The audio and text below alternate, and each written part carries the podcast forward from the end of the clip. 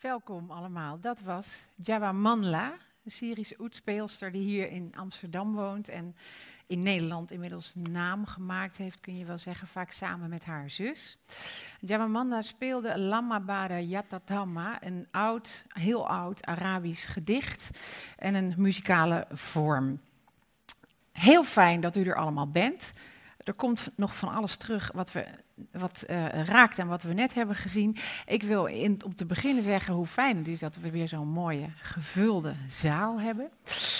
Mijn naam is Mirjam van Hengel. Ik maak en presenteer deze programma's met de uh, naam Expeditie Poetry. Zoals altijd is de voertaal van deze programma's Nederlands, maar voor vandaag zal het een beetje anders zijn. Sommige van mijn gasten van vanmiddag spreken weinig Nederlands. Sommigen in het publiek verstaan het ook maar een klein beetje. Een van de gesprekken die ik ga voeren zal daarom in het Engels zijn, maar het andere is weer juist in het Nederlands. De poëzie waar we naar gaan luisteren wordt grotendeels in het Arabisch gelezen. En in tegenstelling tot hoe we dat anders doen, zullen dan de Nederlandse en soms ook de Engelse vertalingen geprojecteerd worden. So here's for the people who don't understand Dutch. I'm sorry. The main language of this program is Dutch, it always is. This is a series about poetry from all over the world, from China to Japan, from Persia to Syria. I don't speak all those languages, and all these different languages do appear in the poetry itself. So we use Dutch translations and original language for the poems, but for the rest, it's mostly Dutch. Today is a little different because some of my guests and some people in the audience understand only a little bit of Dutch.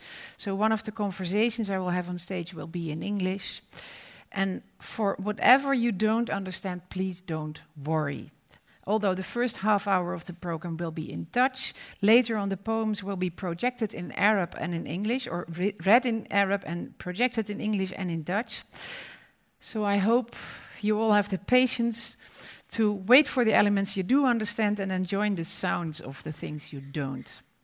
The mix of languages reflects what we are doing, trying to do here, looking across borders with poetry as a guide. Oftewel, die mix van talen die weerspiegelt gewoon wat we doen, over de grenzen heen aan de hand van poëzie. Welke grenzen? Ik zei net al, Expeditie Poetry. Het is een reeks over niet-westerse poëzie. En we trekken langs die poëzie als soort reizigers met een grote nieuwsgierigheid, maar niet heel veel tijd, want we hebben anderhalf uur. Dus we lichten er wat uit, iedere maand uit één zo'n cultuur. En laten ook andere dingen weer liggen. Het gaat in feite iedere keer om een eerste kennismaking. En ik zal even laten zien waar we al geweest zijn. De eerste drie keer Nee, dit was nog helemaal het begin, nergens. Eerste drie afleveringen, dus Perzië, China en heel verstopt, heel klein Suriname, daarbovenaan Zuid-Amerika. Toen Zuid-Afrika, toen weer een half werelddeel. Dus u begrijpt, dat was een onmogelijke aflevering. Zuid-Amerika. En dan gaan we vandaag, en dat ligt natuurlijk. Oh, wacht. Ja, ligt natuurlijk ingewikkeld, want die ligt weer in dat gebied waar ook Persisch gesproken wordt, naar Syrië. Wellicht het meest geteisterde land tot nu toe. Al kwamen ook met name uit de actuele poëzie uit Zuid-Amerika of de workers poetry uit China behoorlijk aangrijpende en schrijnende dingen naar boven.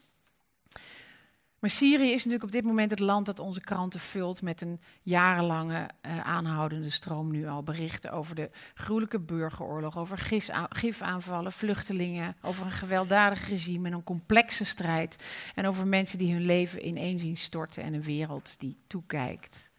Maar ook dat land heeft een poëzie, heeft schoonheid, een grote en eeuwenoude schoonheid. En ook de mensen die dat land ontvlucht zijn, hebben hun stem en vinden de poëzie om uitdrukking te geven aan wat zich soms slecht in woorden laat vangen. Zoals een van de gasten van vanmiddag, Gayat Almadoun, die schrijft: Wij zijn de dingen die jullie op jullie schermen en jullie kranten hebben gezien. Als jullie de moeite nemen om de stukjes bij elkaar te leggen, als een puzzel, dan zullen jullie een duidelijk beeld van ons krijgen. Zo duidelijk dat jullie niet in staat zullen zijn om nog iets te doen. En het is tegelijkertijd ook zoals in het Lama Bara Yadatana, wat u net hoorde, het liedje, waar een zin middenin te vertalen zou zijn met My beloved beauty is a tender branch caught by the breeze. Breekbaarheid en schoonheid, geweld en kracht. Misschien dat het vanmiddag daarover zal gaan. Ik wil graag beginnen met het uitzetten van de piketpaaltjes. Wat zijn de wortels van de Syrische poëzie? Waar komt ze vandaan? Welke dichters hebben haar gevormd? Dat ga ik doen met Djuke Poppinga. Djuke is Arabist, vertaalster van Gayat Almadoun en docent aan de Universiteit van Amsterdam. Djuke, mag ik jou uitnodigen?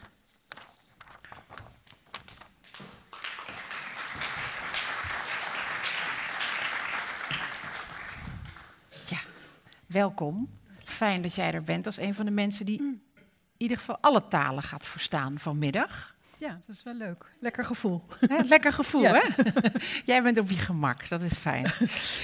um, ik zei het al, dus vrij onmogelijk wat we, wat we gaan doen. Want we hebben een kwartier, twintig minuten en we gaan de hele Syrische poëzie uh, ontleden. Dat gaan we natuurlijk niet. We gaan er een beetje doorheen. En ik wil het inderdaad een beetje uh, maar verdelen in drie groepen. Dus de klassieke, de moderne en de echt actuele poëzie. Dus we beginnen maar gewoon helemaal naar het bij het begin. Waar wortelt die poëzie in? Want dat is ook nog in twee verschillende talen bijvoorbeeld. In twee verschillende talen? Talen. Ja, ik bedoel, waar wortelt de, de, de, de oude. Nou, nee, je, um, Eigenlijk moet je het niet hebben over de oorsprong van de Syrische poëzie, maar eerder de oorsprong van de Arabische poëzie. En die oorsprong die, uh, die is terug te vinden in het Arabisch Schiereiland. Ja. Um, en daar ongeveer zo, ze weten het niet precies, want het was een orale literatuur. Um, op dat Arabisch Schiereiland is ongeveer rond 500 zijn de eerste uh, bewijzen van Arabische poëzie ontdekt. En die waren in het Arabisch. Ja. Dus het Arabisch zoals we dat ook nu nog kennen. Dus ik kan gewoon een gedicht van die tijd lezen. Dat kun je nu, en dat was gewoon de eerste geschreven poëzie. Het was niet geschreven, het de overgrote deel was orale poëzie, dus het werd overgedragen. Het was een stammenmaatschappij, dus je moet je gewoon voorstellen dat er een woestijngebied is waar een heleboel stammen rondtrokken. En die stammen die moesten natuurlijk met elkaar communiceren of tegen elkaar communiceren. En dat uh, kon natuurlijk verder, ze hadden geen middelen verder. Dat werd dus gedaan door de, meestal de aanvoerders van die stammen, die gingen dan naar een andere stam om iets te berichten, iets te vertellen enzovoort. En dat werd gedaan in de vorm van poëzie. Dus poëzie had twee functies eigenlijk. Een esthetische functie, want dat had hij zeker ook in die tijd al. Het is bekend dat er zelfs poëziewedstrijden, een soort voice of uh, Declamatie Arabia werd gehouden. um, en, uh, en het had een, een, een communicatieve kant, dus een, een, uh, het was een communicatiemiddel. Ja, het was echt een Ja, er werden dus berichten en nieuwtjes werden er overgebracht. Of vaak over natuurlijk de dood van iemand, of oorlog tussen twee stammen enzovoort. Ja, ja, en waarom gebeurde dat in poëzie? Omdat dat, een, dat je het kon onthouden bijvoorbeeld? Uh, dat is een van de redenen waarvan men denkt dat het in poëzie was. Maar het was ook wel gewoon een heel uh, belangrijke kunstvorm in die tijd al. Ja. Dus men vond het ook een belangrijke kunstvorm. Ja, een belangrijk zeg je, maar je zei van tevoren ook, het was eigenlijk al meteen heel hoogstaand. Wat bedoel je daarmee? Um, nou, het werd in ieder geval, waren de dichters die, de, die die poëzie componeerden, waren belangrijke mensen, waren vaak leiders van stammen, dus ze waren, stonden hoog in aanzien. En het werd ook gezien als een, een, een, belangrijke hoge kunstvorm. Het, waren ook vrij, het was ook vrij niet hele makkelijke poëzie. Het waren hele lange polythematische gedichten. Dat betekent dat um, er dus allerlei thema's aan de orde kwamen. En die, dat moest ook op een bepaalde volgorde zijn. Meestal um, een, een, een, dichter die komt bij een kamp, een kamp, een, een, een kamp kampement waar mensen kampement wonen, waar mensen wonen, ja. Hebben, ja. Verwacht dat daar zijn geliefde is, maar de stam die hij zocht, die is weggetrokken en hij ziet alleen nog maar de sporen. En uh, dan vervolgens gaat hij natuurlijk, eh, heeft hij heel veel verdriet. Hij beschrijft de schoonheid van zijn geliefde. En vervolgens gaat het gedicht verder. En dat kan dan verschillende kanten opgaan. Maar in ieder geval, vaak maakt hij dan een reis. En uiteindelijk bereikt hij een doel. En dat zijn hele lange gedichten die allemaal niet altijd precies die thema's hebben, maar wel helemaal zijn ingedeeld. En dus ook een heel strak rijm en ritme hebben. Ja, ja, vorm En een metrum ook. Ja, ja, ja, Dus er zijn hele vastgelegde en best wel ingewikkelde gedichten. Ja. ja. En waren dat, want dit, dit is bijna verhalend wat je vertelt en, en ook heel werelds of misschien zelfs seculier. Was er ook, had het een religieuze rol? Wat, wat hoe verhield zich dat? Nee, dat geen, uh, tenminste, er, er waren natuurlijk wel, er was wel een soort spirituele kant van. Ja. Dus dat, dat een, een dichter bepaalde bespiegelingen heeft en zo. Maar niet religieus, want de islam was er toen nog niet natuurlijk. Nee, nee een Syrië is natuurlijk de oudste christelijke, ja, ja, de, de bakermat van het christendom. Ja, ja. Nee, en de islam, die was er nog niet. Die Nee. kwam op een gegeven moment wel. Maar dan spreken we dus alweer van hoeveel later? Nou, twee eeuwen later. Twee eeuwen later, ja. Dus de eerste twee uren, of twee, twee eeuwen, Ja, ja, was het... eh, ja. En je had dan dus die, die hele mooie poly, eh, polythematische gedichten, maar je had ook nog wel andere dichten. Je had bijvoorbeeld s- schimpdichten of smaaddichten. Ja, ja. Eigenlijk gewoon dat de een de ander uitscheldt, maar dan in dichtvorm. Ja, ja, betere weg. en en eh, treurdichten. Ja, Ehm, dat was ook een belangrijk iets. En die waren niet polythematisch. Dat ging dan echt over het treuren om een familielid of een broer of een zus. En dat werd heel vaak door vrouwen gedaan. ja. Dat vrouwen natuurlijk eh, ja, eh, het, verlies van mannen en van zonen eh, aan den lijve ondervonden. En daar zijn dus ook wel dichteressen bekend van. Dus, Die werd ook veel door vrouwen geschreven. Ja, en dat zei, want het gaat dus eigenlijk in die vroege poëzie gewoon om dingen die ook bij de rituelen van het dagelijks leven ja, horen. ja, ja, zeker. Het is natuurlijk een, een, een, een poëzie die heel erg in het dagelijks leven geworteld is. Ja. zeker. Ja. ja. En die vrouwen, was het dat, want je zei net, eh, dichters waren vaak hoogstaande figuren. Waren die vrouwen dat ook? Of? Nou, dan was bijvoorbeeld Al-Ghansa, dat is een van die dichteressen, of dat is eigenlijk wel de bekendste dichteres die dit soort treurdichten heeft geschreven.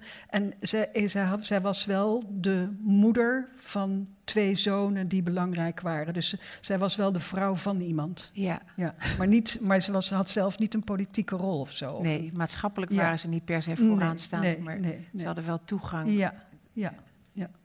En wanneer veranderde dat? Of dat is, je zegt net, dat is misschien wel met de komst van religie Nou, op een gegeven moment, die, die, die poëzie die heeft zich ontwikkeld. En dan eh, ga je verder in de tijd. En dan kom je inderdaad bij de islam in de zevende eeuw. En dan zie je dat de maatschappij aan het veranderen is. Er, ontstaat verstedelijking. Er Ja. komt dus een andere maatschappelijke structuur. Die stammenstructuur die trekt zich een beetje terug. En je krijgt dus een stedelijke cultuur. Meer vaste nederzettingen, Ja, ook andere. Precies, ja. ja. En eh, wat je dan ziet bij de poëzie, dat is dat die zich eh, ehm, aan één kant eh, gewoon doorzet. Dus dat men gewoon doorgaat met dichten zoals men altijd al deed. Maar dat er ook wel onder invloed van de verstedelijking, ook onder in Perzische invloeden, Turkse invloeden enzovoort, de vorm van die poëzie een beetje gaat veranderen. Wat korter wordt, wat simpeler wordt.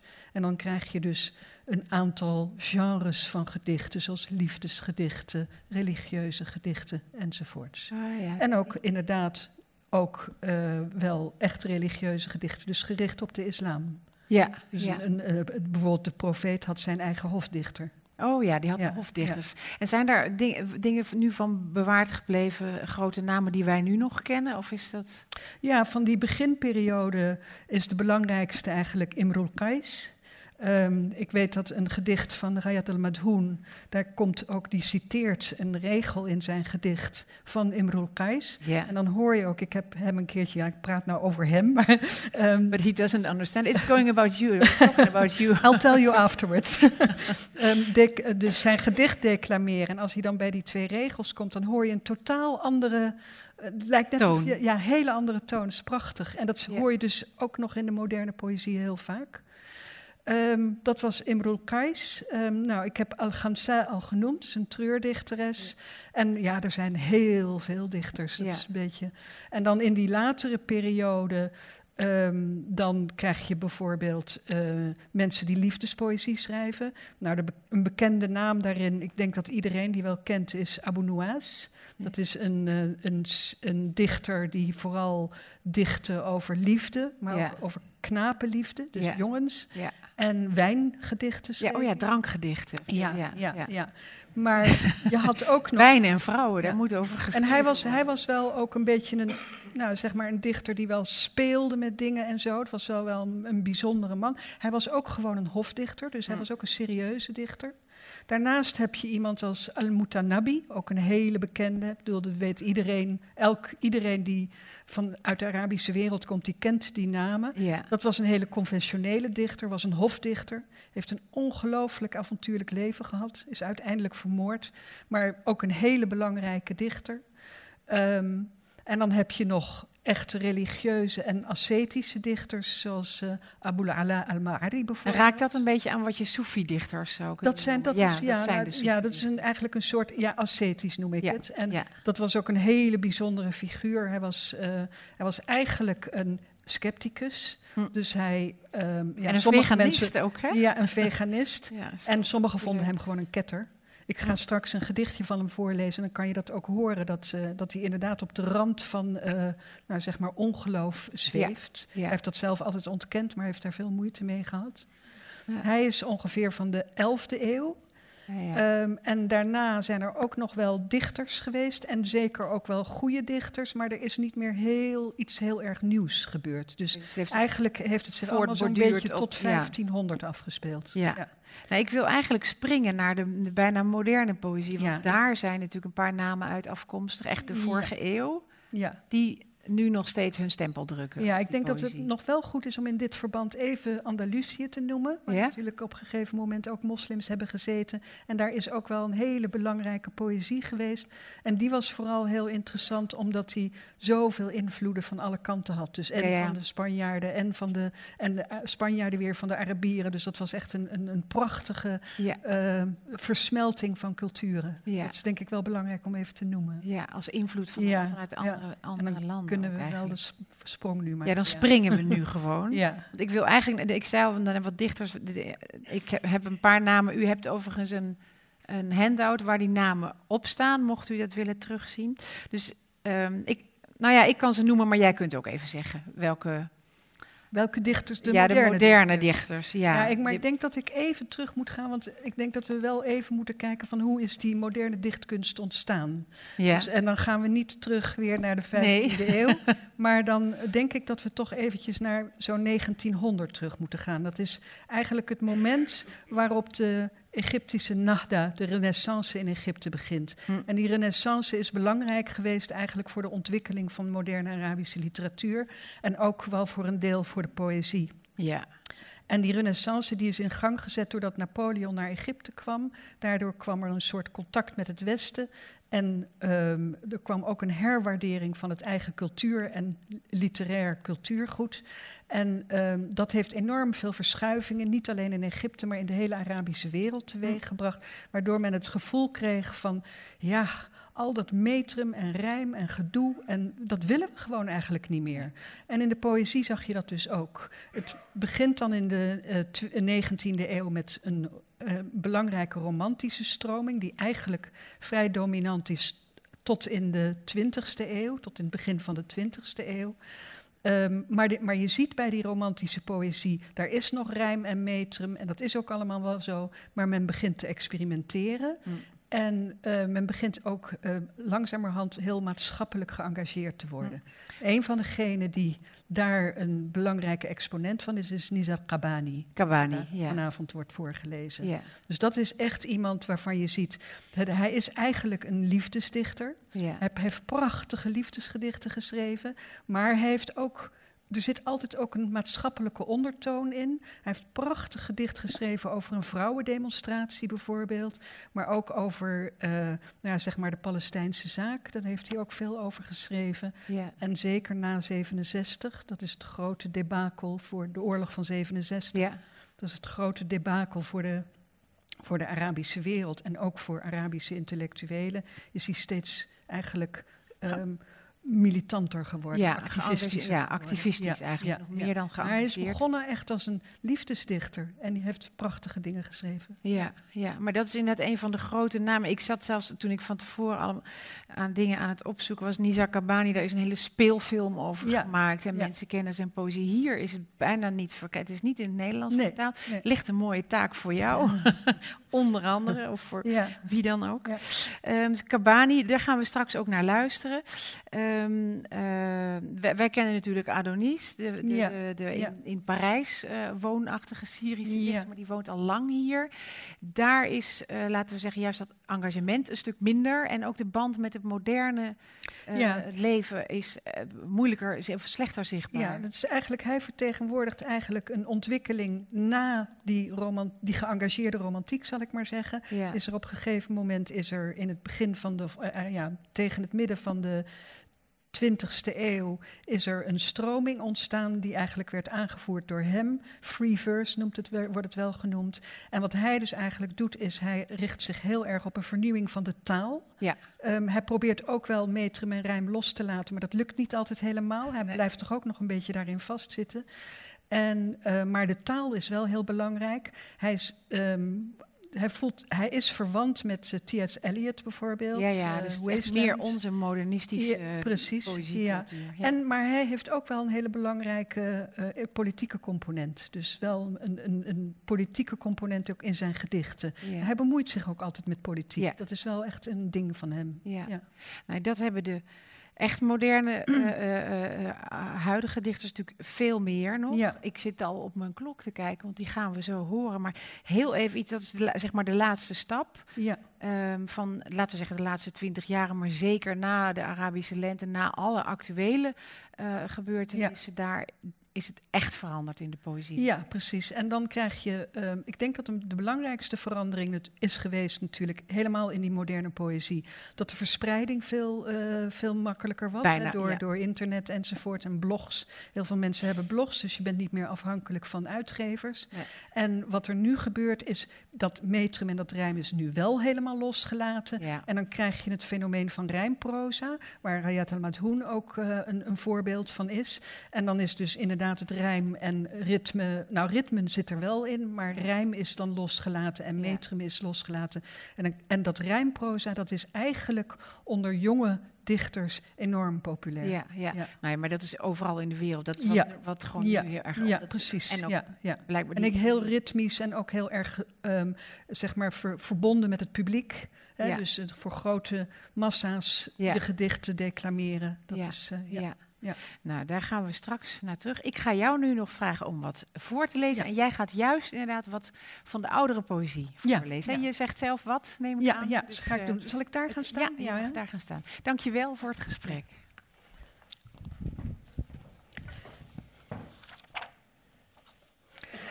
Het eerste gedicht is van uh, Imrul Kais, die ik noemde. Dat is de pre-islamitische uh, dichter uit de zesde eeuw. En uh, ik ga niet alles lezen, ik ga een fragment lezen. Daar heb ik voor gekozen om een beetje een potpourri te maken van wat ik allemaal genoemd heb. En het begint dus met een, de dichter die aankomt bij een verlaten kampement. Stop, laat ons huilen, denkend aan een lief en waar ze woonde, bij het kromme zandduin tussen Adaghul en Haumal en Toedich en Mikrah. De sporen nog niet uitgewist. Al heeft de wind uit zuid en noord daar nog zoveel geweven. Daar zie je in de vlakten en de holle kommen de antilopenmest verstrooid als peperkorrels. Bij hun vertrek die ochtend op de rijdieren geladen, stond ik bij de acacia's, alsof ik coloquintes spleet. Mijn vrienden hielden hard, halt voor mij en zeiden: Ga niet dood aan je verdriet, beheers je toch. Maar mijn genezing ligt in tranen storten. Waar kan men op steunen als het spoor is uitgewist? En het gaat dan door met een prijzing van het rijdier en vervolgens de reis die de dichter maakt. En uiteindelijk eindigt het met een soort lofzang op zichzelf. Dat gebeurt heel vaak in die gedichten. Het tweede gedicht is ook iemand die ik al noemde, sorry. Dat is Al-Ghansa. Dat is de vrouw die treurdichten schrijft. En zij heeft een zoon die heet Sacher en een zoon die heet Muawiyah. En die zijn allebei omgekomen. En zij schrijft daar een uh, prachtig gedicht over. Ik ga het ook niet helemaal lezen, maar wel een stukje. O geweest gul met tranen, overvloedig, weent om Sacher met uw tranenstroom. Ik kon niet slapen, s'nachts steeds wakker, alsof een vuiltje in mijn ogen stak. Ik lette op de sterren, al ben ik geen sterrenhoedster, Soms kroop ik weg onder de slippen van mijn mantel. Ik had een bericht gehoord dat mij niet vrolijk maakte. Van een bode die bevestigde wat ik al eerder hoorde. Hij zei: Sahar, vertoef daar in een graf, geveld met stenen overdekt. En dit gedicht gaat voor met een beschrijving van Sahar. En dat is natuurlijk een hele prijzende beschrijving. En uiteindelijk uh, geeft ze degene die zij ziet als de oorzaak van de dood van Zagger er ook wel flink van langs. Het derde gedicht uh, wat ik uh, wil lezen, dat lees ik in zijn geheel, is een kort gedicht. Dat is van Humaida. Humaida is een, um, die, dat was een schrijfster van spotdichten. Ze had nogal wat uh, echtgenoten achter de rug. En geen van die echtgenoten waren echt goed bevallen. En dat kun je heel goed in dit gedicht lezen op haar bejaarde echtgenoot. Weg met oude mannen en wie hen bemint. Dat zeg ik ervan. En ik zou er nog meer van kunnen zeggen. De vrouw van een bejaarde is altijd vol verdriet en haat zijn gezelschap. God zegene zijn lid niet, noch de rimpels van zijn vervallen billen. Damascus met zijn jonge mannen is mij liever dan de immigranten. Ik ben getrouwd met iemand uit Medina. Dat is mij duur komen te staan. Hij stinkt als een oude bok. Muskus en parfum zijn daarbij onmachtig. Zij is van uh, de achtste eeuw. Um, het is niet zo dat die vrouwen allemaal schimpdichten of smaaddichten schreven. Er waren een heleboel mannen die dat ook deden en die gingen net zo hard tekeer. Net zo uh, grof ook. Um, even kijken hoor. Ja. Um, dan komen we bij uh, Abu Nuwas, die ik ook noemde. De dichter die van, van jongens hield, maar ook van wijn hield. Ook van vrouwen hield trouwens. En hij heeft hier een, mooi gedicht geschreven over een, over een jongen. Maar die jongen die moet niks van hem hebben. Um, ik sliep en in mijn droom verlangde naar hem. Maar hij bleef weg. Ik kuste op een dag zijn schaduw. Hij nam het mij kwalijk. Men zei hem dat ik langskwam voor een steelse blik. Hij verschanste zich. Al zou de zeefheer langs mijn oren strijken met mijn naam, dan zou hij zelfs de wind beschimpen en hardnekkig zijn. Maar al zijn akelige daden, zijn gescheld, zijn afwijzing, die maken hem voor mij alleen maar des te liever. Zielig. De laatste die ik uh, wil lezen is uh, Abul Ala al-Mari, klein stukje maar. Abu Ala al-Mari, de veganist, de scepticus, de misschien wel ongelovige. Hij was blind. En um, ik ga hier een stukje voorlezen en dan is eigenlijk helemaal duidelijk wat voor soort dichter hij was. Um, hij, hij, is trouwens vertaald in het Nederlands door Leopold, de dichter Leopold. En dit gedicht is ook door Leopold vertaald, alleen op een heel andere manier dan Geert-Jan van Gelder, die van dit, deze bundel. Prachtige bundel van Geert-Jan van Gelder, aanrader. Um, ik lees, jullie monden roepen, er is geen God dan God, maar jullie harten en zielen zijn bang hem recht te doen. Ik zweer, die Torah van jullie brengt geen licht als de wijn daarin geoorloofd wordt verklaard. Hoed u voor de bliksemschichten in de wolken. Het zijn zwaarden, getrokken voor voltrekking van het lot.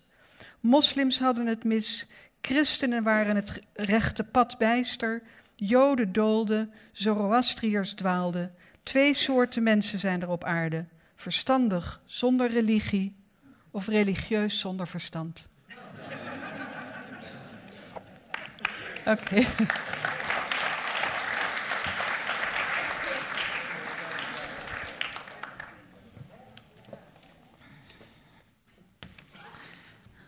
Wat een uh, geweldige, frisse poëzie. Ik bedoel, zo oud en zo modern. Um, we hebben de namen net al gehoord. Nizar Karbani, een van de meest progressieve intellectuelen van zijn tijd. Een van de meest feministische ook, las ik hier en daar. Dat vind ik ook erg leuk. En de andere, Adonis, de in Parijs levende Syriër. Die is wat klassieker en zoekt vooral die taal op. Ik schreef nog van hem op poëzie schrijven in het Arabisch betekent het onzichtbare ontsluieren en de afgrond van de afwezigheid zichtbaar maken. Dat is misschien wat algemeen. Het kan ook heel concreter bij hem, dat gaan we horen. Um, het werk van deze twee dichters wordt gelezen door Ahmad Al-Harfi, acteur en theatermaker bij het Fada Theater uit Al van de Rijn. Een gezelschap dat bestaat uit Syrische vluchtelingen. Een aantal professionele acteurs en een aantal mensen daaromheen. Ze maakte onder andere de voorstelling Talent op de Vlucht. En werkt op dit moment samen aan een nieuwe voorstelling met Woenderbaum, geloof ik. Hè? Theatergroep Woenderbaum. Een paar dagen geleden vroeg Amat me of hij een vriend mocht meenemen. Ziad Kahil, die luid speelt. Oet, ja, je zei luid, maar dat, ik zag hem net. Niets liever natuurlijk, zei ik. Dus ze gaan samen optreden. Maar, ja, je wou bijna opstaan. We kijken eerst nog even naar een filmpje. Want ik dacht, het is toch mooi om even iets te laten zien van die Nizar Kabani. Die voorleest in een laat uh, stadium van als hij al best oud is. Dus daar kijken we naar. Ondertussen ga ik hier even wat schuiven. En daarna is het podium voor Amat Al-Harfi en Ziad Kahil.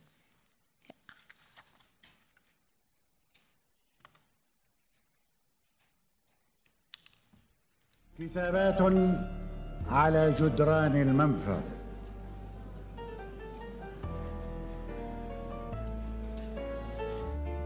يا سيدتي يا سيدتي كيف أصور هذا العصر اللامعقول؟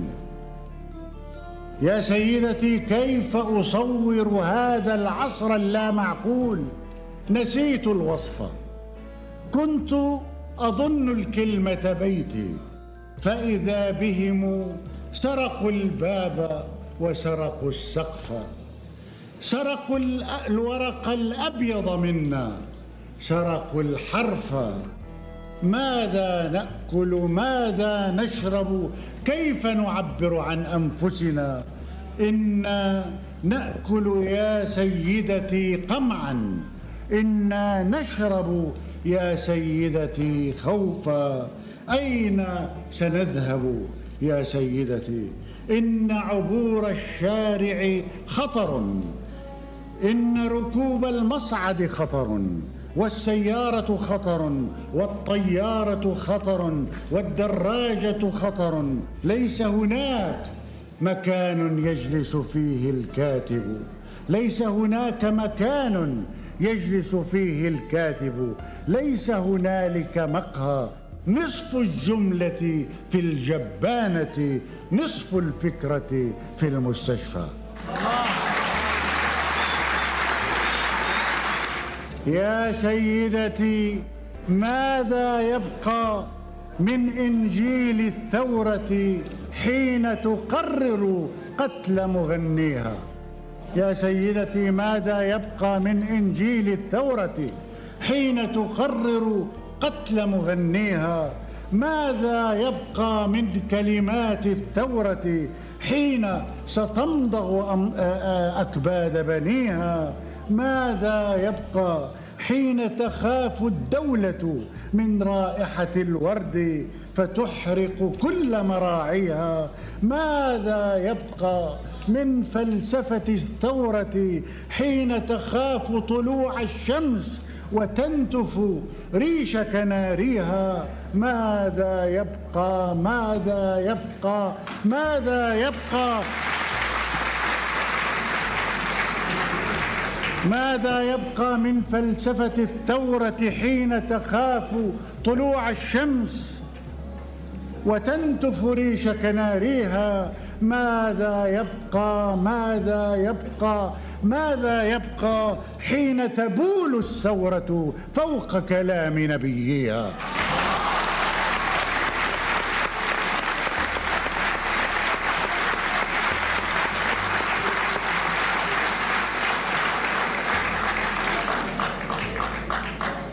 يا سيدتي يا سيدتي أطلب عفوك. يا سيدتي أطلب عفوك. إن لم أكتب في عينيك قصيدة شعر إن العازف نسي العزف. كيف أحبك يا سيدتي؟ إن مباحث أمن الدولة تلقي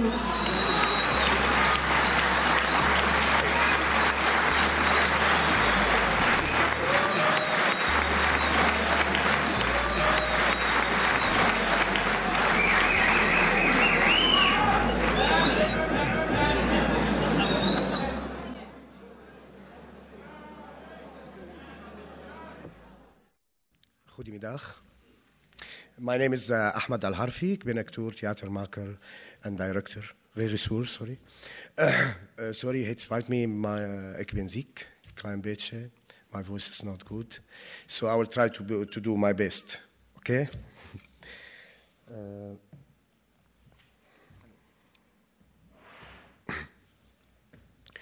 we will start with Nizar Abani.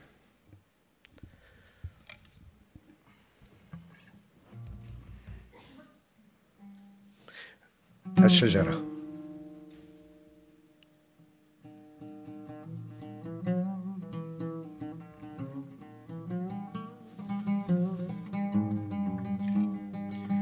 كوني كوني امرأة يا سيدتي. كوني امرأة خطرة. كي أتأكد حين أضمك أنك لست بقايا شجرة. احكي شيئا قولي شيئا غني ابكي عيشي موتي كي لا يروى يوما عني أن حبيبة قلبي شجرة. كوني السم وكوني الافعى كوني السحر وكوني السحرة. كي أتحسس لفي حولي لفي حولي كي أتحسس يا سيدتي دفء الجلد وعطر البشرة كي أتأكد يا سيدتي أن فروعك ليست خشبا أن جذورك ليست حطبا. سيلي عرقا موتي حرقا. كي لا يروى يوما عني أني كنت أغازل شجرة. كوني فرسا يا سيدتي.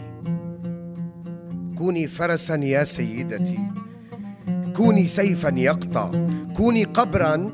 كوني حتفا. كوني شفة ليست تشبع. كوني صيفا افريقيا يا سيدتي. كوني حقل بهار يلذع. كوني الوجع الرائع يا سيدتي إني أصبح ربا إذ أتوجع. غني ابكي عيشي موتي كي لا يروى يوما عني. أني كنت أعانق شجرة. كوني امرأة يا سيدتي تطحن في نهديها الشهب كوني رعدا كوني برقا كوني رفضا كوني غضبا. خلي شعرك يسقط فوقي ذهبا ذهبا. خلي جسمك فوق فراشي يكتب شعرا يكتب ادبا. خلي نهدك فوق سريري يحفر قبره. كوني بشرا يا سيدتي كوني بشرا يا سيدتي. كوني الأرض وكوني الثمره كي لا يروى يوما عني أني كنت أضاجع شجرة. نزار رباني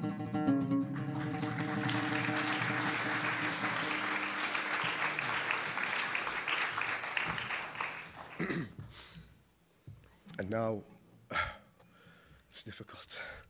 With Adonis.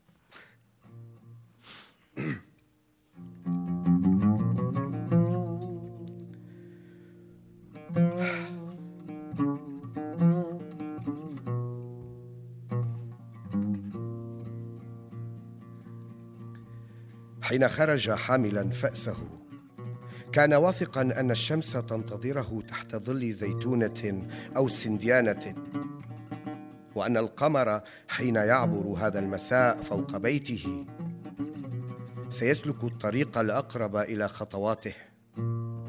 لذلك لم يكن يهمه أين تذهب الريح. زرقة السماء حمرة الثمار خضرة الورق تلك هي الألوان التي تفرشها يداه فوق صفحة النهار. فنان يعنى بعمل يديه لا بما تعمله يد الفن. والأشياء هي الأشياء. لا كما هي أو كما يراها بل هي كما يصفها هو وهو يعرف أن يصغي إليها جيدا. لذلك يعرف أن يتحدث معها يعيش على هامش ما يجري. وفي الأشياء التي يحادثها أو يعايشها نستطيع أن نرى كيف يتهدم النظام الذي يسجن الحركة. ويقمع أعياد الميلاد. يتهدم دون استعراض وبلا ضجيج. يعرف أن الرصاصة تحل محل فأسه لكنه يدرك بيقين متزايد أن فأسه تذهب إلى أبعد مما تذهب الرصاصة وأنها تصل إلى أعمق مما تصل. حين ترى هذا الفلاح حاملا فأسه. تشعر أنه في تنافس معها يشبه الحرب ذلك أنها تسبقه دائما إلى الشوك. خصوصا أنه يظل حافي القدمين. خصوصا أنه يظل حافيا وأن صوتها وهي تقتلع الشوك ينضم إليها. وما أجمل أن تصغي إليه يعلو كأنه مزمار تزينه بحة عميقة تملأ الفضاء. اذا أنت في الريف. لا يهم أين تسير الآن قرب النهر أو في سفح جبل أو في قرية ضائعة بين الصخر والصخر.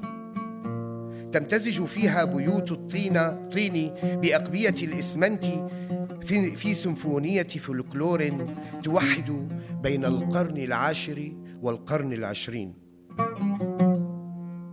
اترك لعينيك أن تسبحا فيما حولهما. وانسى المقهى والشارع استسلم. كورقة تتطاير في الهواء. كزغب الغصون كغبار الطلع. كن طفلا. كن طفلا آنذاك.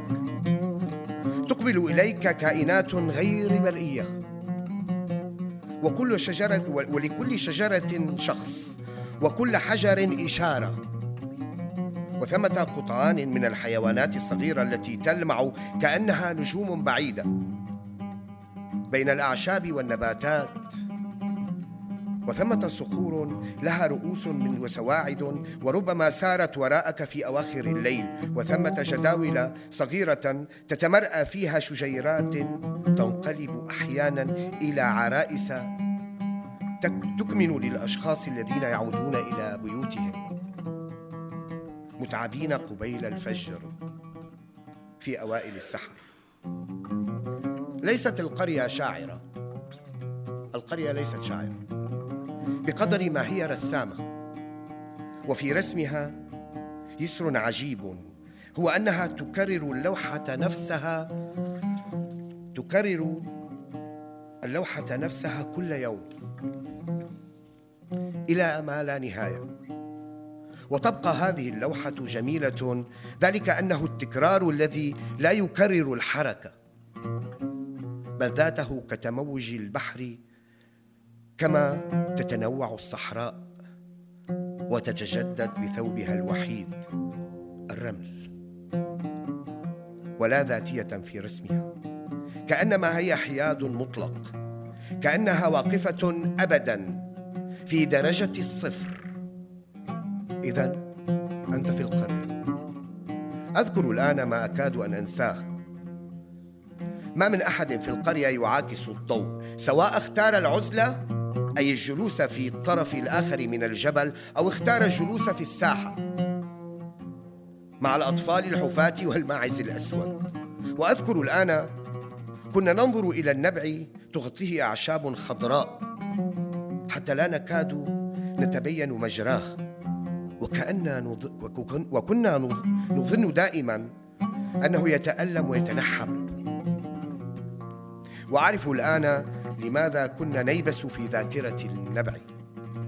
وتلك الأيام التي قرأتها في غبار غبار الطريق الذي كان يقودني إليه. قرأت معها ما كنا نعرفه ونجهل أن نكتبه. سلاما للشمس التي تسبقنا دائما دون أن نتحرك. أدونيس.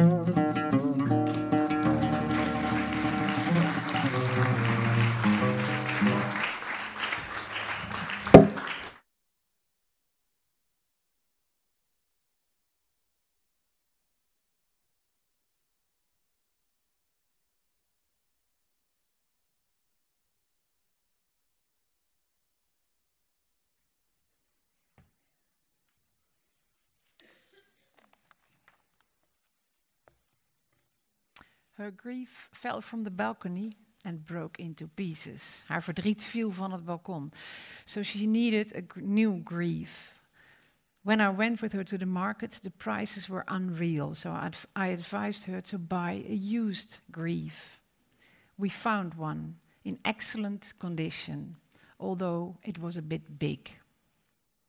I believe these were the first lines that I read by him, by you, Gayat Almadoun. He traveled from Berlin today. He lived in Amsterdam as a writer in residence. His passport is Swedish. His poems are translated in not less than 16 languages, 16 countries. And on his website, he calls himself a Palestinian, Syrian, Swedish poet. Gayat Almadoun.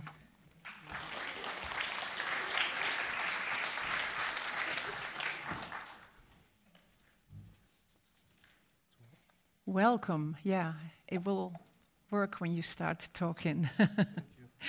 it's so good that you're here. You hear me now? Yeah. Maybe it's not working.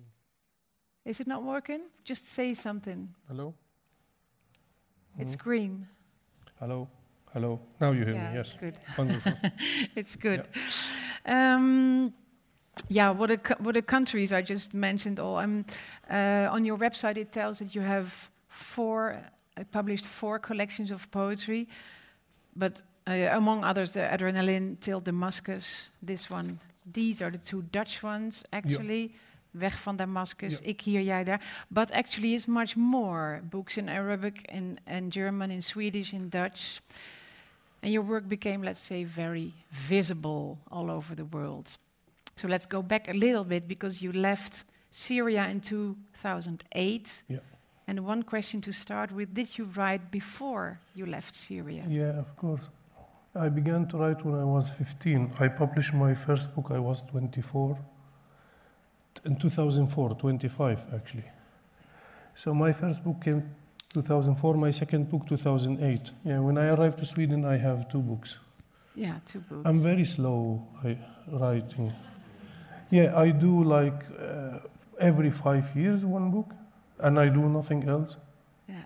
So I don't write essays, I don't write critique, I don't teach, I don't do anything outside poetry.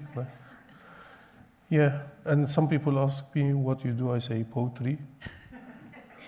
And then they told me, but even poetry you didn't do like, like a, one book every four or five. Yeah, this- Well, you, you can be slow, but luckily your translators and your, your fame is, is faster than because in, it appears in different countries. And yeah. I was lucky. I was very lucky. Yeah, yeah. But uh, this is have nothing to do with me. No, seriously. The, the translation, Yeah. it's bonus. Yeah. I write for, uh, for 475 million Arabic speaker in 22 countries. Yeah. After that, if somebody translates me, uh, that will be something great. Not always, because the translation, if it's good, it puts a spotlight on you. Yeah. But if it's bad, it m- do the opposite. Yeah. So no guarantee for that. So I, I don't know. Yeah, I was very lucky. But you say I, I'm writing for this very small group. Actually, for who do you write? I really don't. I never th- thought about it like this. I write for a reader, but uh, who is he? I don't know. No. Yeah, like I can see that. Like my pub- my Arabic publisher, he told me like your book is sold out. Then of course there's a readers. Must be. they didn't buy it to Yeah, yes. So throw it away. yeah. Yeah. I, I just said about all, all your well, you you you uh, you left Syria. You lived in Sweden. I ran away. Swedish passport. I ran away from Syria. You ran away from Yeah, yeah, Syria. there were seven of my friends were arrested Yeah. in two, between 2005 and 2008. Yeah. Two, they stayed for seven years, and five for five years. One of them now is in Canada, one of them in Sweden, one of them in Germany. So yeah, I was afraid that I will be arrested at any time, but I yeah, Yeah. I escaped. Yeah. You skipped. Yeah. Yeah. Yeah. Yeah. Yeah, I was paperless, so I make a Palestinian Authority passport. I smuggled it to Syria, and then I got the Swedish uh, visa. I was invited for poetry festival. Ah, yeah. Yeah. That- Yeah. Yeah. So it was planned that I, I should leave the country and not come back. Yeah. Mm. Also planned not going back. Yeah, and Yeah. unless the regime left. Yeah. Yeah, yeah, yeah. And because you, you, you, uh, somewhere you write, we are thrown about in fragments. Is there still a we? You just mentioned friends, but how is it with the we that are thrown about in fragments? Yeah, the we is a really problematic uh, uh, word. I understand what you mean, actually. But uh, when I wrote that text, I was new in Sweden. Yeah, After two months, Israel uh, was bombing Gaza, the end of 2008, beginning of 2009. And a Swedish poet, Mary Silkeberg, she asked me to, she, she make an anthology about uh, destruction in the world. And she, uh, she uh, it's called in Swedish Ödeläggelse. And she make three, she asked 17 poets from all over the world to write about destruction. And she make three films, one about uh, Hanoi in uh, Vietnam, and one about Hiroshima in Japan, and one about Auschwitz. And she, she already sent the book to, to be published, to be print. And then I arrived, and attack in, in Gaza happened, and then somebody told her there's a poet from Gaza. And she called me, and she called the publisher house, and she stopped the book, and she called me, she told me, can you write a, a poem about Gaza? I want to add it to this book, because this is uh, destruction happened now, not like in the past. I told her, but I have never been in Gaza. My mother, my father from Gaza, my grandfather, mother lived there. And she told me, okay, but like, you are from Gaza. So, and then I remember I told her, because, you know, I was really tired from the European way of uh, looking to the Palestinian question. And I told her, maybe it's not a good idea to put, if you, because she want to make film, Yeah. because there were Yeah, three yeah. films. I thought it's not a good idea to put something about Gaza with Auschwitz. This is how Europeans think, yeah? Yeah, And she told me this is not your problem. it's her. yeah, Yeah, because many, many, most of the European people, as I noticed, that they think if a Palestinian man have equal rights with any citizen in the world, it could be anti-Semitic or act against Israel, because there's a, a fe- big feeling of guilt and shame of what they did yeah, in the last 500 years. yeah, So they, the, it is the opposite. yeah, If you give the Palestinian equal rights, yeah. the problem will solved. Yeah, but this is you should describe for the European. So you actually didn't want to write about Gaza, but you did uh, write, meanwhile, after some time, about, for instance, Damascus, where you lived. You don't live there anymore, but Yeah, but I lost a lot of people. I lost Yeah. my brother in, in Assad Yeah. bombing, my two uncles. yeah, Yeah, all my friends they got killed. yes, yeah. So you lost, you lost the place to live. You live somewhere else. You lost beloved ones, friends, family. No, I, I lost the, the meaning of the life Mm-hmm. because I left Syria and I have the hope that dictatorship will end Yeah. one day. Yeah, And when the revolution began, I really prepared myself to go back. yeah, I make my bag ready. Yeah. And then the dictatorship win, we lost, we are dead, we are refugees all over the world. Assad stay in the power.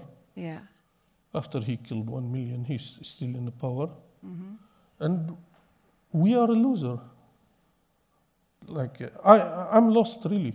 yeah. You're lost. I mean, you're surviving, but you're Yeah, but it's have no meaning. Like, I grow up here that you pay price for the freedom. yeah, We pay the biggest price in history. And we got nothing. Like e- the world either support Assad under the table yeah, or up the table like Russia and Iran. So, so we lost because the world was really. Uh, I'll give you short examples. Very examples why I'm disappointed.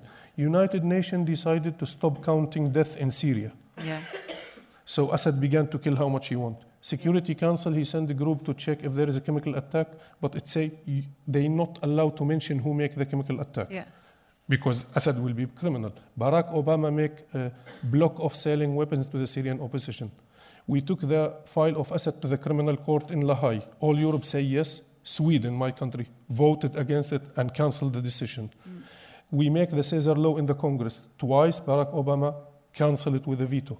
So, either under the table, like the West killing us, or up the table. So I was shocked. What's going on? Assad is bombing the country from eight years. Civilians die. And where I go, everywhere, people ask me about ISIS. Yeah. Hmm. ISIS killed, by the way, in the Amnesty report, ISIS killed around 2,600. In the same report, Assad killed 700,000. Yeah, you I'm disappointed. Yeah, I'm- yeah, yeah. That's, that's clear. That's uh, and, and, and, and understandable for as far we can. Um, but you said um, I actually there was a moment that I wanted to go back, but you also decided not to go, and you wrote, "I can't attend." Yeah, that was, I was, was- scared. You because most of my friends who went back, they got killed. Yeah, So I, after this, this is very good something about the Syrian revolution. It made me discover that I'm coward. You are a coward. Yeah, yeah, yeah. But that's you feel like you're a coward. No, no, seriously, I couldn't go to Turkey, and m- most of my friends they went to Turkey and they Mm-hmm. smuggled themselves to Syria, but I couldn't. Yeah, but that's the, the, you. You even wrote a book. This I cannot attend, and I, I just I didn't go. And you try to find out what what should what should be your attitude then when you're not going back. I mean, I, I, I'm from the people who didn't deserve the freedom hmm, because, like, I was coward. okay, yeah. Yeah, seriously. Hmm. Like, Yeah, uh, there was another thing that you just said about about the, the world nowadays, or the, or Europe. You also wrote, "We love you, Europe, mistress of the colonial past, killer of original inhabitants, bloodsucker of peoples from India to the Congo, from Brazil to New Zealand." So you make a kind of comparison of all in the world. That's really Yeah. that really ran wrong, and it's the, that's the country where you have to live in now. Do you compare it with your own It's not country like as well? no, it's not like that. No, it's like I was invited to read poetry in uh, Winternacht, uh, In? the, uh, the the poetry festival in uh, Den Haag. in Den, uh, Rotterdam No, or in Den Haag, Winternacht. yes, Yeah, thank you. yeah, So they asked me to rewrite the European anthem. yeah.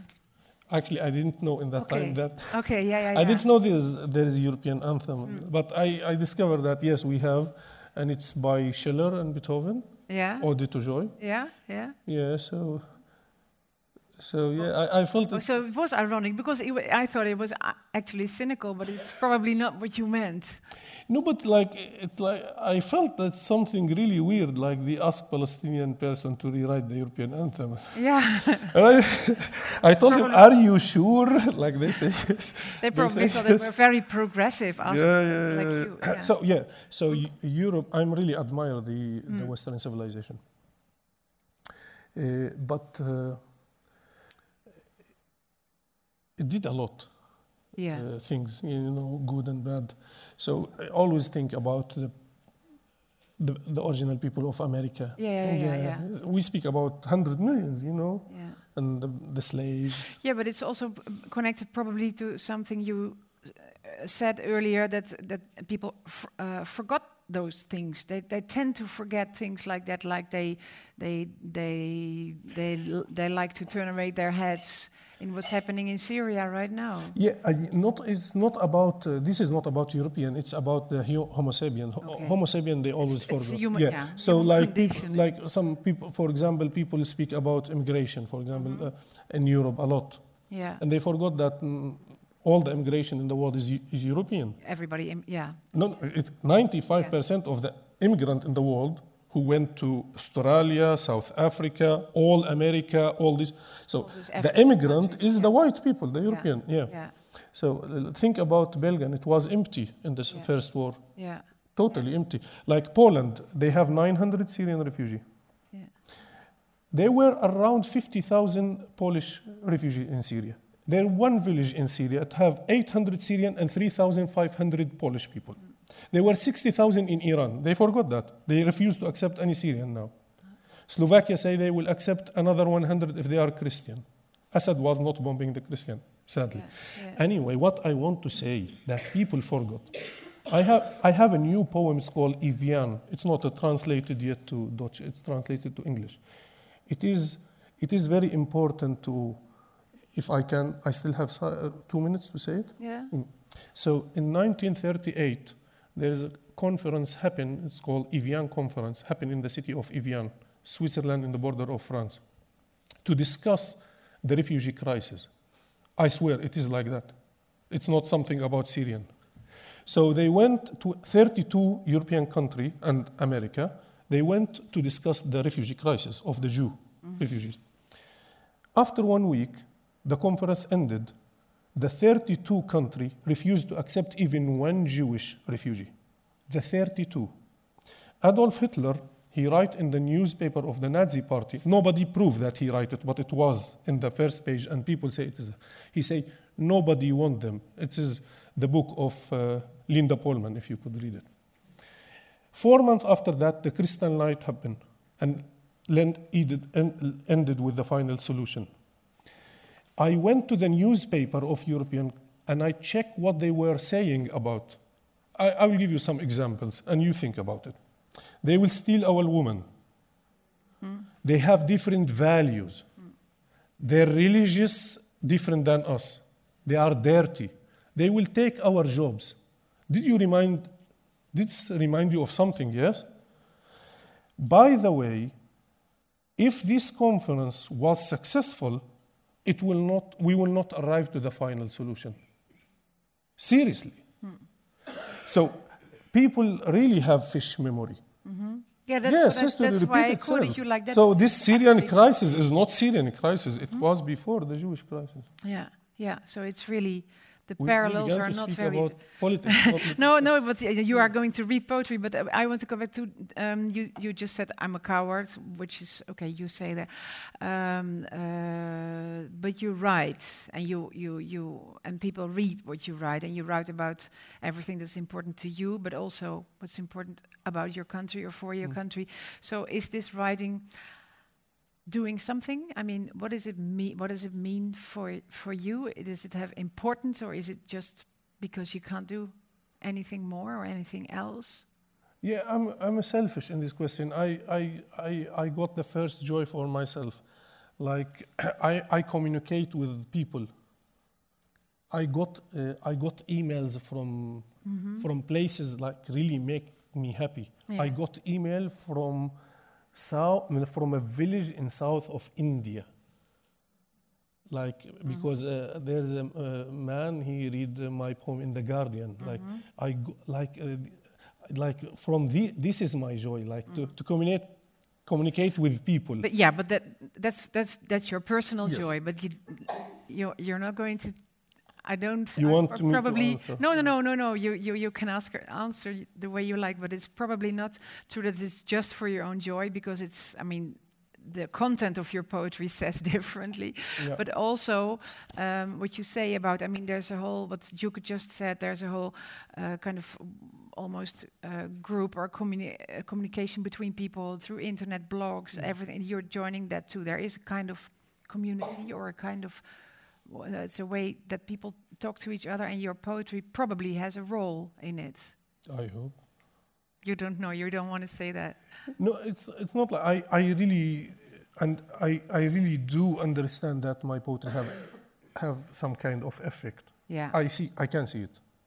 But uh, I don't want to exaggerate like No. uh, yeah. So uh, poetry itself uh, it is like anything else in the world. hmm Like uh,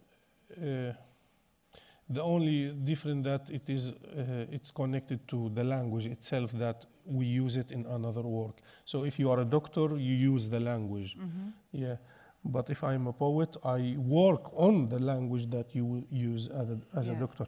Yeah. so I, I, feel, I always feel it's a, it is a special. And i remember i'm really fascinated by the quran. Yeah. and I remember uh, when I uh, began to read the Quran, uh, I remember that it was several times this like appeared the description of Muhammad in the Quran that he is not poet and he's not crazy. He's not like everywhere you find He's it together, not a poet. and it's not crazy, and always they came together Mhm. He is not poet and he's not crazy. ليس شاعر وليس مجنون. Together. So you thought poet and Yeah, and I crazy is say, something has to okay. do I something say, together. Yeah. And then I, uh, uh, I remember uh, the, the surah of the poets. We have a, a, section in the Quran is about the poets. And it say, Alam tara annahum fi kulli wad Don't you see that they are traveling everywhere? And I say, okay. this, is the, this is the one I want to be. Especially I was paperless and I can't travel. So I can dream in that time yeah, that you travel in Now I have a that Swedish way. passport. Now you have now you have Catch a passport. you yeah, yeah, yeah, yeah. You have a Swedish passport. I saw it. it's yeah. It's always it's it's it's silly and it's also a, a kind of I don't know maybe even painful to talk about what are you doing with your poetry because you have this poetry. You just should read it and then we can hear what you mean and what you do. So I just invite you to the stage to Thank you. read your Yes, poetry. thank you. Uh, I would like to have Yeah. the remote control.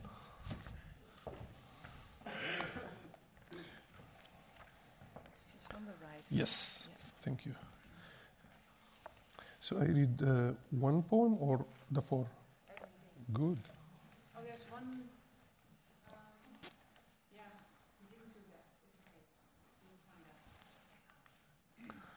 Wow.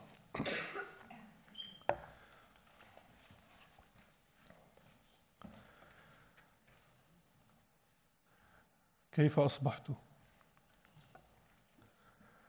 سقط حزنها من الشرفة وانكسر. أصبحت تحتاج إلى حزن جديد. حين رافقتها إلى السوق كانت أسعار الأحزان خيالية فنصحتها أن تشتري حزنا مستعملا.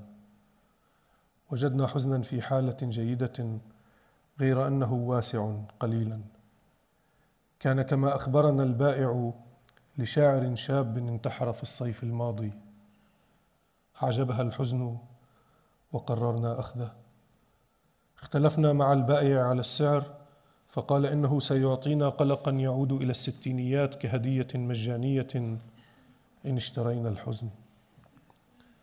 وافقنا. وكنت فرحا بهذا القلق الذي لم يكن في الحسبان. أحست بفرحتي فقالت هو لك. أخذت القلق في حقيبتي ومضينا. مساء. تذكرت القلق. أخرجته من الحقيبة وقلبته. لقد كان بجودة عالية وبحالة جيدة رغم نصف قرن من الاستعمال. لا بد أن البائع يجهل قيمته وإلا ما كان ليعطيناه مقابل شراء حزن رديء لشاعر شاب. أكثر ما أفرحني به هو أنه قلق وجودي. مشغول بحرفية عالية وفيه تفاصيل غاية في الدقة والجمال. لا بد أنه يعود لمثقف موسوعي أو سجين سابق. بدأت باستعماله فأصبح الأرق رفيق أيامي وصرت من مؤيدي مباحثات السلام. توقفت عن زيارة الأقارب وازدادت كتب المذكرات في مكتبتي ولم أعد أبدي رايا إلا ما ندر صار الإنسان عندي أغلى من الوطن وبدأت أشعر بملل عام. أما أكثر ما لفت انتباهي هو أنني أصبحت شاعرا.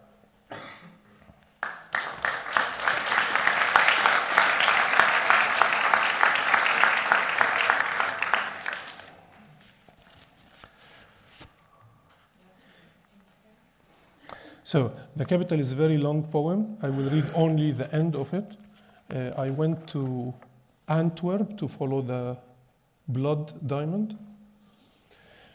Yeah, I was fascinated by how they make something illegal legal before they send it to Tel Aviv. So I became friend with most of the Orthodox Jew in the corner. We were eating hummus together. And uh, uh, yeah, 20 days after, uh, because I stay one month in, An- in Antwerp, and then uh, the Syrian people began to drone in the Mediterranean in very aggressive way. So the poem switched from the blood diamond to the Mediterranean. Very long poem. This is the end.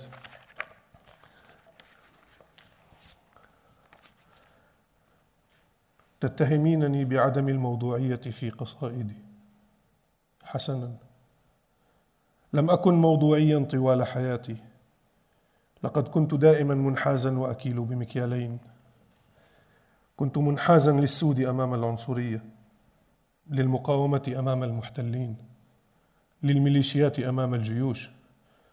كنت منحازا للهنود الحمر أمام الرجال البيض لليهود أمام النازيين. للفلسطينيين أمام الإسرائيليين للمهاجرين أمام النازيين الجدد للغجر أمام الحدود للسكان الأصليين أمام المستعمرين للعلم أمام الدين للحاضر أمام الماضي للنسوية أمام البطريركية للنساء أمام الرجال لك أمام النساء لكافكا أمام الروتين للشعر أمام الفيزياء. الفيزياء لعنة الله على الفيزياء. لماذا يغرق المهاجرون وبعد أن يلفظوا أنفاسهم الأخيرة يطفون فوق وجه الماء؟ لماذا لا يحدث العكس؟ لماذا لا يطفو الإنسان حين يكون حيا ويغرق حين يموت. حسنا. فلنسمي الأشياء بمسمياتها. الكتب مقابر للقصائد. البيوت خيام إسمنتية. الكلاب ذئاب ارتضت الذلة. سجادة الصلاة تذكرني ببساط الريح. غرفتي وقعت بحب حذائك الأخضر. أنا أغرق فيك كما يغرق السوريون في البحار. يا إلهي انظري إلى أين أوصلتنا الحرب. حتى في أسوأ كوابيسي لم يخطر لي أنني في يوم من الأيام سوف أقول في قصيدة أغرق فيك كما يغرق السوريون في البحار. كل قذيفة تسقط على دمشق إنما تمزق صفحة من كتاب ديكارت. حين ولدنا كانت الحياة ملونة وكانت الصور بالأسود والأبيض. اليوم أصبحت الصور ملونة وأصبحت الحياة بالأسود والأبيض.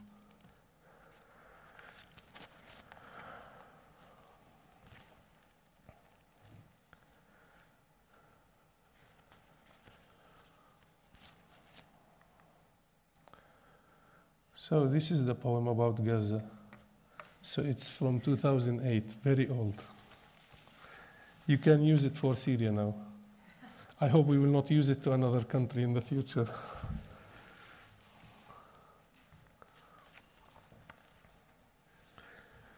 نحن المتناثرين شظايا الممطرين لحما نتقدم بالاعتذار الشديد من هذا العالم المتحضر فردا فردا رجالا ونساء وأطفالا. لأننا وبدون قصد منا ظهرنا في منازلهم الآمنة بلا استئذان. نعتذر لانطباع أشلائنا في ذاكرتهم البيضاء كالثلج. ولأننا خدشنا صورة الإنسان الطبيعي الكامل في أعينهم. لأننا وبكل وقاحة قفزنا فجأة على نشرات الأخبار وصفحات الإنترنت والجرائد عاريين إلا من دمائنا وبقايا أجسادنا المتفحمة. نعتذر من كل العيون التي لم تجرؤ أن تنظر في جراحنا مباشرة لكي لا تصاب بالقشعريرة. ونعتذر من كل من لم يكمل من لم يستطع إكمال وجبة العشاء بعد أن فاجأته صورنا طازجة على التلفزيون. نعتذر عن الآلام التي سببناها لكل من رآنا هكذا بلا تجميل أو تقطيب أو إعادة جمع لبقايانا وقطعنا قبل أن نظهر في الشاشات. ونعتذر أيضا من الجنود الإسرائيليين الذين تكلفوا عناء الضغط على الأزرار في طائراتهم ودباباتهم لتحويلنا إلى قطع. نعتذر منهم عن الصور البشعة التي تحولنا إليها بعد أن صوبوا قنابلهم مباشرة إلى رؤوسنا الطرية. وعلى الساعات التي سيقضونها الآن في عيادات الأطباء النفسيين ليعودوا بشرا كما كانوا قبل تحويلنا إلى أشلاء مقززة تلاحقهم كلما حاولوا النوم.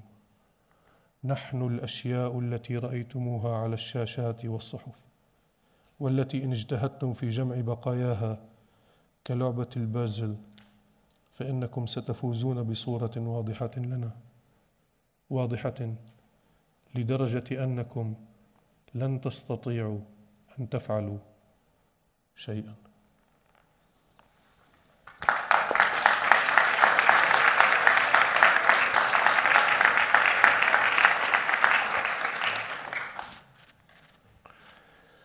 So this is the last poem.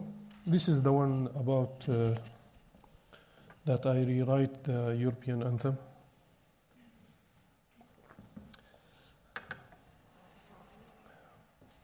I really wish you good luck.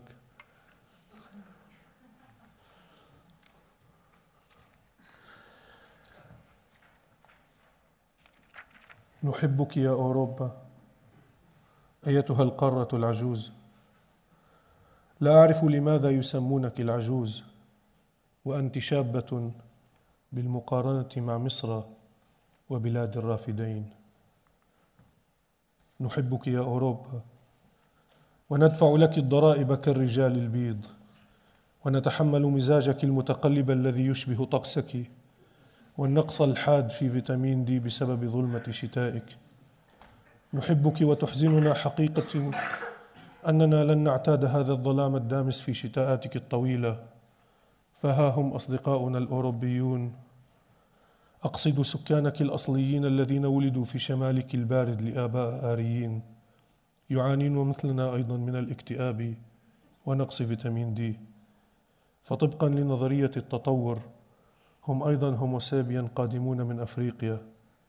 أما سكانك الأصليون أقصد النياندرتال الذين تطوروا خلال العصر الجليدي لكي يحتملوا بردك فلقد انقرضوا. نحبك يا أوروبا. ولا ننكر أننا جئنا إليك من دول العالم الثالث المتخلفة كما تقولين. أنا تحديدا جئتك من دمشق وتحملت الكثير من الكليشيهات والصور النمطية والانطباعات المسبقة. من كتابك وشعرائك. ورغم أنني أعتبر نفسي نسويا فلقد مللت وتعبت وقرفت من الأسئلة السطحية المكرورة حول وضع المرأة في الشرق الأوسط. وها أنا أقر وأعترف بأن المرأة في سوريا لم تتمتع بحق الانتخابات إلا عام 1949 أما في سويسرا عاصمة أموالك وأموال دكتاتورياتنا وحساباتهم المصرفية السرية. فلم يسمح للمرأة بحق التصويت في الانتخابات إلا عام 1971 وطبعا ليس في كل مقاطعة سويسرا. فمقاطعة أبنزل إنر هودن لم تسمح للمرأة بالتصويت في الانتخابات حتى عام 1991 يا إلهي. نحبك يا أوروبا. ونحب الحرية التي منحتينا حين جئناك هاربين ونتغاضى عن العنصرية التي تحاولين إخفاءها تحت السجادة حين تقومين بكنس غرفة الاستقبال. نحبك يا أوروبا يا صاحبة الماضي الاستعماري وقاتلة السكان الأصليين يا ماصة دماء الشعوب من الهند إلى الكونغو ومن البرازيل إلى نيوزيلندا. يا صاحبة محاكم التفتيش وحارقة النساء بحجة أنهن ساحرات. يا سيدة تجارة العبيد التي نقلت السود إلى العالم الجديد وصانعة التمييز العنصري في جنوب أفريقيا. يا مؤسسة الفاشية والنازية ومخترعة الحل النهائي لإبادة اليهود. الحل النهائي الذي جعلني أولد لاجئا في مخيم اليرموك للاجئين الفلسطينيين في دمشق. لأنك بكل وقاحة دفعت بلدي فلسطين كضريبة وتعويض وحل للهولوكوست الذي قام به سكانك البيض المؤمنون بنقاء العرق الآري. نحبك يا أوروبا ونحمل جوازات سفرك التي تفتح أمامنا الأبواب. بالسهولة التي فتحت بها رصاصاتك لحم مليون جزائري أراد أن يتمتع بالحرية التي تنادي بها ثورتك الفرنسية. نحبك يا أوروبا نحب فنك ونكره تاريخك الاستعماري نحب مسرحك ونكره معسكرات اعتقالك نحب موسيقاك ونكره أصوات قنابلك. نحب فلسفتك. ونكره مارتن هايدغر نحب أدبك. ونكره الاستشراق. نحب شعرك. ونكره عزرباند نحب حرية التعبير في أرجائك. ونكره الإسلاموفوبيا. نحب تطورك الحضاري وعلمانيتك وقوانينك العادلة وحقوق الإنسان على أرضك. ونكره عنصريتك. ومعاييرك المزدوجة ونظرتك الاستعلائية وتاريخك الدموي. خذ النازية وأعطنا إيمانويل كانت. خذ القمصان السود وأعطنا نبيذ إيطاليا. خذ الإبادة الجماعية في الجزائر وأعطنا بودلير. خذ اليوبولد الثاني وأعطنا ريني ماغريت خذي أدولف هتلر وأعطنا حنا أرنت. خذي فرانكو وأعطنا سيرفانتس. خذي أشياءك ودعينا نأخذ أشياءنا.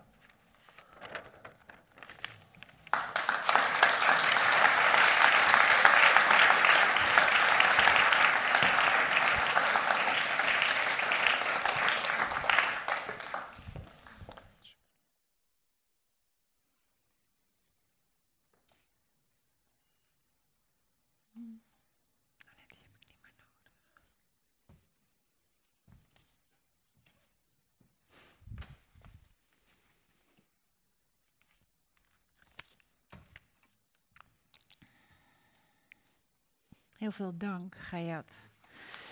Voor iedereen die meer van hem wil lezen, het werk van Gayat wordt in Nederland uitgegeven door de onvolprezen uitgeverij Jurgen Maas, die op alle stoeltjes uh, aanbiedingsprospectus heeft gelegd. Dus neemt u dat vooral mee en kunt u zien wat er allemaal verschijnt. En het is ook vanmiddag verkrijgbaar hier in de hal bij Boekhandel Perdu. We zijn bijna aan het einde van het programma. Zoals iedere maand wil ik ook nog graag een dichter laten horen die op dit moment schrijft, die bezig is met die taal, maar dan hier in Nederland niet per se bekend, zichtbaar of uitgegeven, maar wel gewoon nu zelf aan het werk. Dat is Mustafa Hamo. Die is sinds 2014 in, in Nederland, waar hij onder andere als tolk voor vluchtelingenwerk heeft gewerkt. Um, en de Welcome app heeft opgezet, een interactief platform dat locals en nieuwkomers met elkaar in contact brengt. En hij is hier samen met Desanne van Brederode schrijver onder andere van het pamflet Als stilte steekt over Syrië. En actief lid van het Syrisch comité. Ik vraag ze even allebei op het podium. Ik wil nog even iets vragen. Welkom. Welkom Mustafa. Ga eerst even iets vragen aan Desan als dat mag. Want ik zeg, je bent van het Syrisch comité. En hoe kennen jullie elkaar? Ja, dat was de... Ja, en we hebben pas nog een gesprek gehad uh, met bestuursleden van het Syrisch Comité en uh, Koerdische Syriërs en als Mustafa ook. Dus ja, bij demonstraties, uh, hulpacties, we zien elkaar gewoon. Ja, ja. En you, you are part of the Syrian Committee, but you're also a poet, or aren't you a poet? Ja, ik ga in Nederlands proberen te... Oké, heel goed. okay. Ja, heel goed. Ja, ik ken, uh, ik ken Desana al lang, vijf jaar geleden, denk ik. Ik, uh, ik, was, uh, ik ben bezig geweest. Uh, ik, ik, was altijd of actief geweest in Syrië. Ik wilde iets daar, net als alle andere Syrische mensen, daar iets veranderen. We wilden niet vluchten naar andere landen. We hebben onze best gedaan. We hebben heel veel waardevolle dingen betaald. En er zijn heel veel vrienden van ons zijn in gevangenis en ook doodgegaan. Um, hier um, wil ik niet ook alleen thuis blijven. En uh, ik wil ook uh, iets doen hier. Ik heb uh, heel veel activiteiten georganiseerd. Mm -hmm. Daarna, um, ja, en, ik werk bij Welkom App, de mobiele applicatie, de stichting die wil Nederlanders en, en, en, en, en, en buitenlanders dichter bij, bij elkaar te brengen. En wat wat was jouw Nou ja, mijn vraag was of je inderdaad ook wat je schrijft, of je veel schrijft, of je inderdaad met die poëzie um, bezig bent sinds dat je hier bent of altijd nee, al? Nee, ik, ik, schrijf al lang, ook eh, twintig jaar geleden. Yeah. Maar um, als hobby. Ik, yeah. ik, uh, ik speel, ik maak muziek ook, als hobby ook. Uh, ja, dus al lang geleden. Ja, en je schrijft, je schrijft in het Arabisch, want daarom is Desanne er ook. Dat is misschien leuk om Desanne even, moet je haar de microfoon even geven, waarom jij hierbij bent. Want jij hebt je gedicht in het Arabisch ja. geschreven. Ja, en uh, dat, zoals dat dan gaat, jij moest het ergens voorlezen. En een gezamenlijke vriend van ons, die zei, uh, Mustafa die heeft een gedicht en uh, dat moet hij morgen voorlezen. Kan je er even naar kijken en het vertalen? Want jouw Arabisch is geweldig. Nee, helemaal niet. ja, Saura en Horia, dat zijn natuurlijk de woorden. de belangrijkste. um, maar, maar uh, nee, dus dat doen we dan zo. Dat, uh, Karam, die woont hier ook al heel lang. Die uh, doet het dan voor een deel met Google Translate. En hij kan natuurlijk gewoon Arabisch. Dus hij vertelt dan letterlijk wat er staat. Hebben elkaar aan de telefoon. Daar kunnen dan ook nog telefoontjes doorkomen. Want hij is ook medisch vertaler Arabisch. Dus, maar, dus dan zitten we zo te puzzelen. En dan ga ik een beetje ehm, ja, doordenken wat zou er bedoeld kunnen worden. Dus het kan heel goed. Daarom vind ik het ook doodeng, want mevrouw Poppinga is een echte. Die er zit dat, hier een echte vertaler. Ja, daar, en een hele goeie. Dus dan, dus dan ben ik wel bang dat, ja, het moest snel. En, en uh, ik heb mijn verbeelding hier en daar ook maar een beetje de vrije loop gelaten. En het gevoel gehad, als nou maar het gevoel overkomt, maar jij wel, vond het oké okay, en je hebt het de volgende dag kunnen. Wat vond je, wat heb jij de vertaling wel, je vond, hebt hem goed gekeurd? Ja, ja, natuurlijk, anders dan. Uh, maar het, het, is, het is dus, ja, zo gaat het vaker. En we ja. hebben dan ook... Um, ja, ik bedoel, het is allemaal heel tragisch. Uh, en ook dat het Syrische comité nog steeds zoveel moet doen om het bewustzijn uh, bij Nederlanders ook nou ja, hoog te blijven houden. Ja. Maar dit zijn de dingen die, die echt het zo geweldig leuk ook maken om zo met die taal te spelen en, en te zoeken naar. Uh, het hart waarin je elkaar altijd weer begrijpt. Ja, want het is, ja, nou ja, het is hard werken. Je doet heel veel, heel veel ontzettend goede dingen. Ga ook allemaal even naar de website van het Syrische Comité. Ja, deze precies, Facebookpagina. Maar je bent dus daar voor, vooral hard aan het werken. En dan is dit eigenlijk een soort cadeau wat er nog bij komt. Daar gaan we nu naar luisteren. Podium is voor jullie. Als je...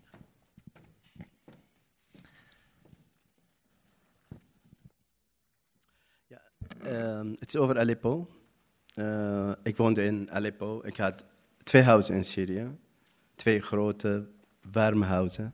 Eén in Afrin, mijn, uh, uh, mijn stad. De andere in Aleppo. En ik had ook 2000 olijfbomen in mijn dorp in, in Afrin.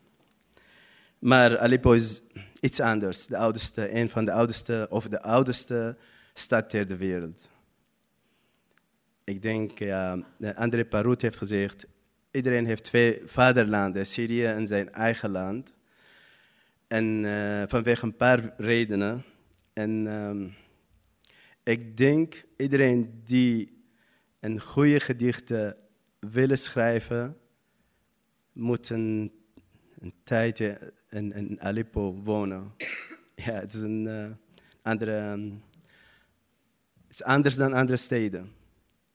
Ik zeg altijd, ja, mijn gevoel hier, toen ik in Aleppo was, ik kende alle buren, bomen, muren.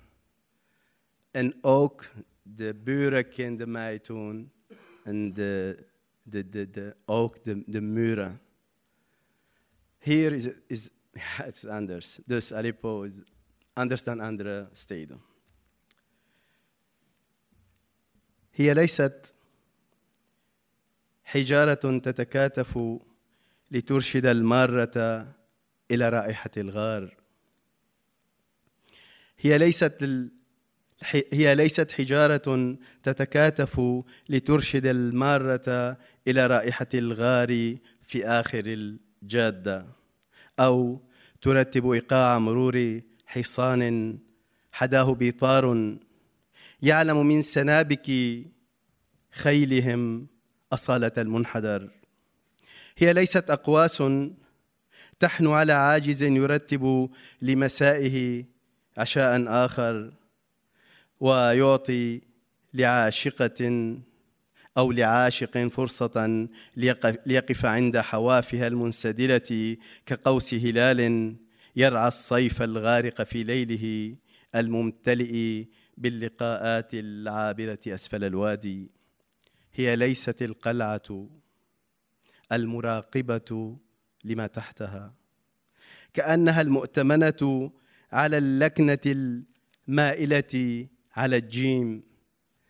هي ليست القلعة المؤتمنة. هي ليست القلعة المراقبة لما تحتها. كأنها المؤتمنة على اللكنة المتكئة على الجيم المائلة على الأعجمية. هي ليست ذلك البياض الحارس على بوابات الجمال.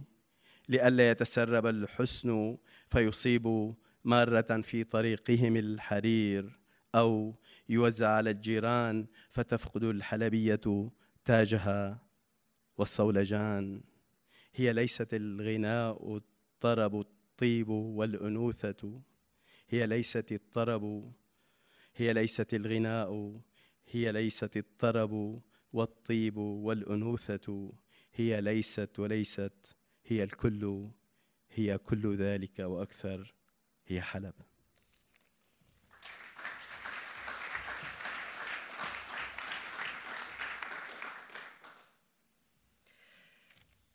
Het zijn geen stenen.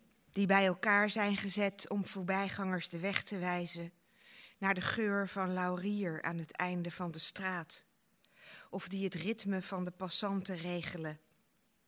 Een paard waarbij nieuwe hoefijzers zijn geslagen door de hoefsmid, alleen hij kent ze, deze paarden, en door hen de unieke hellingen van de weg.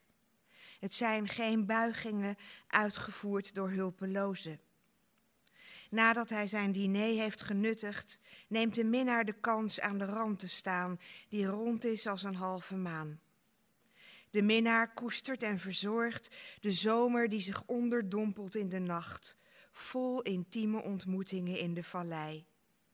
Het is geen kasteel met een uitkijktoren om te bespieden. Het, lijkt veel eer of het hem wordt toevertrouwd, zoals een accent aan een letter in een vreemde taal. Het is niet die witte helderheid die door de poorten van de schoonheid straalt. Nee, die poorten verhinderen de schoonheid juist, dat ze wegcijpelt de stad uit. Dat reizigers op de zijderoute erdoor worden aangeraakt of dat het zich verspreidt over de buren. Want daarmee verliest Aleppo haar kroon en scepter. Deze stad is niet enkel het roerende gezang, het parfum en de bevalligheid van haar vrouwen. Zij is dat niet, dat is het niet. Ze is ons allemaal. Ze is alles en nog zoveel meer. Dat is Aleppo.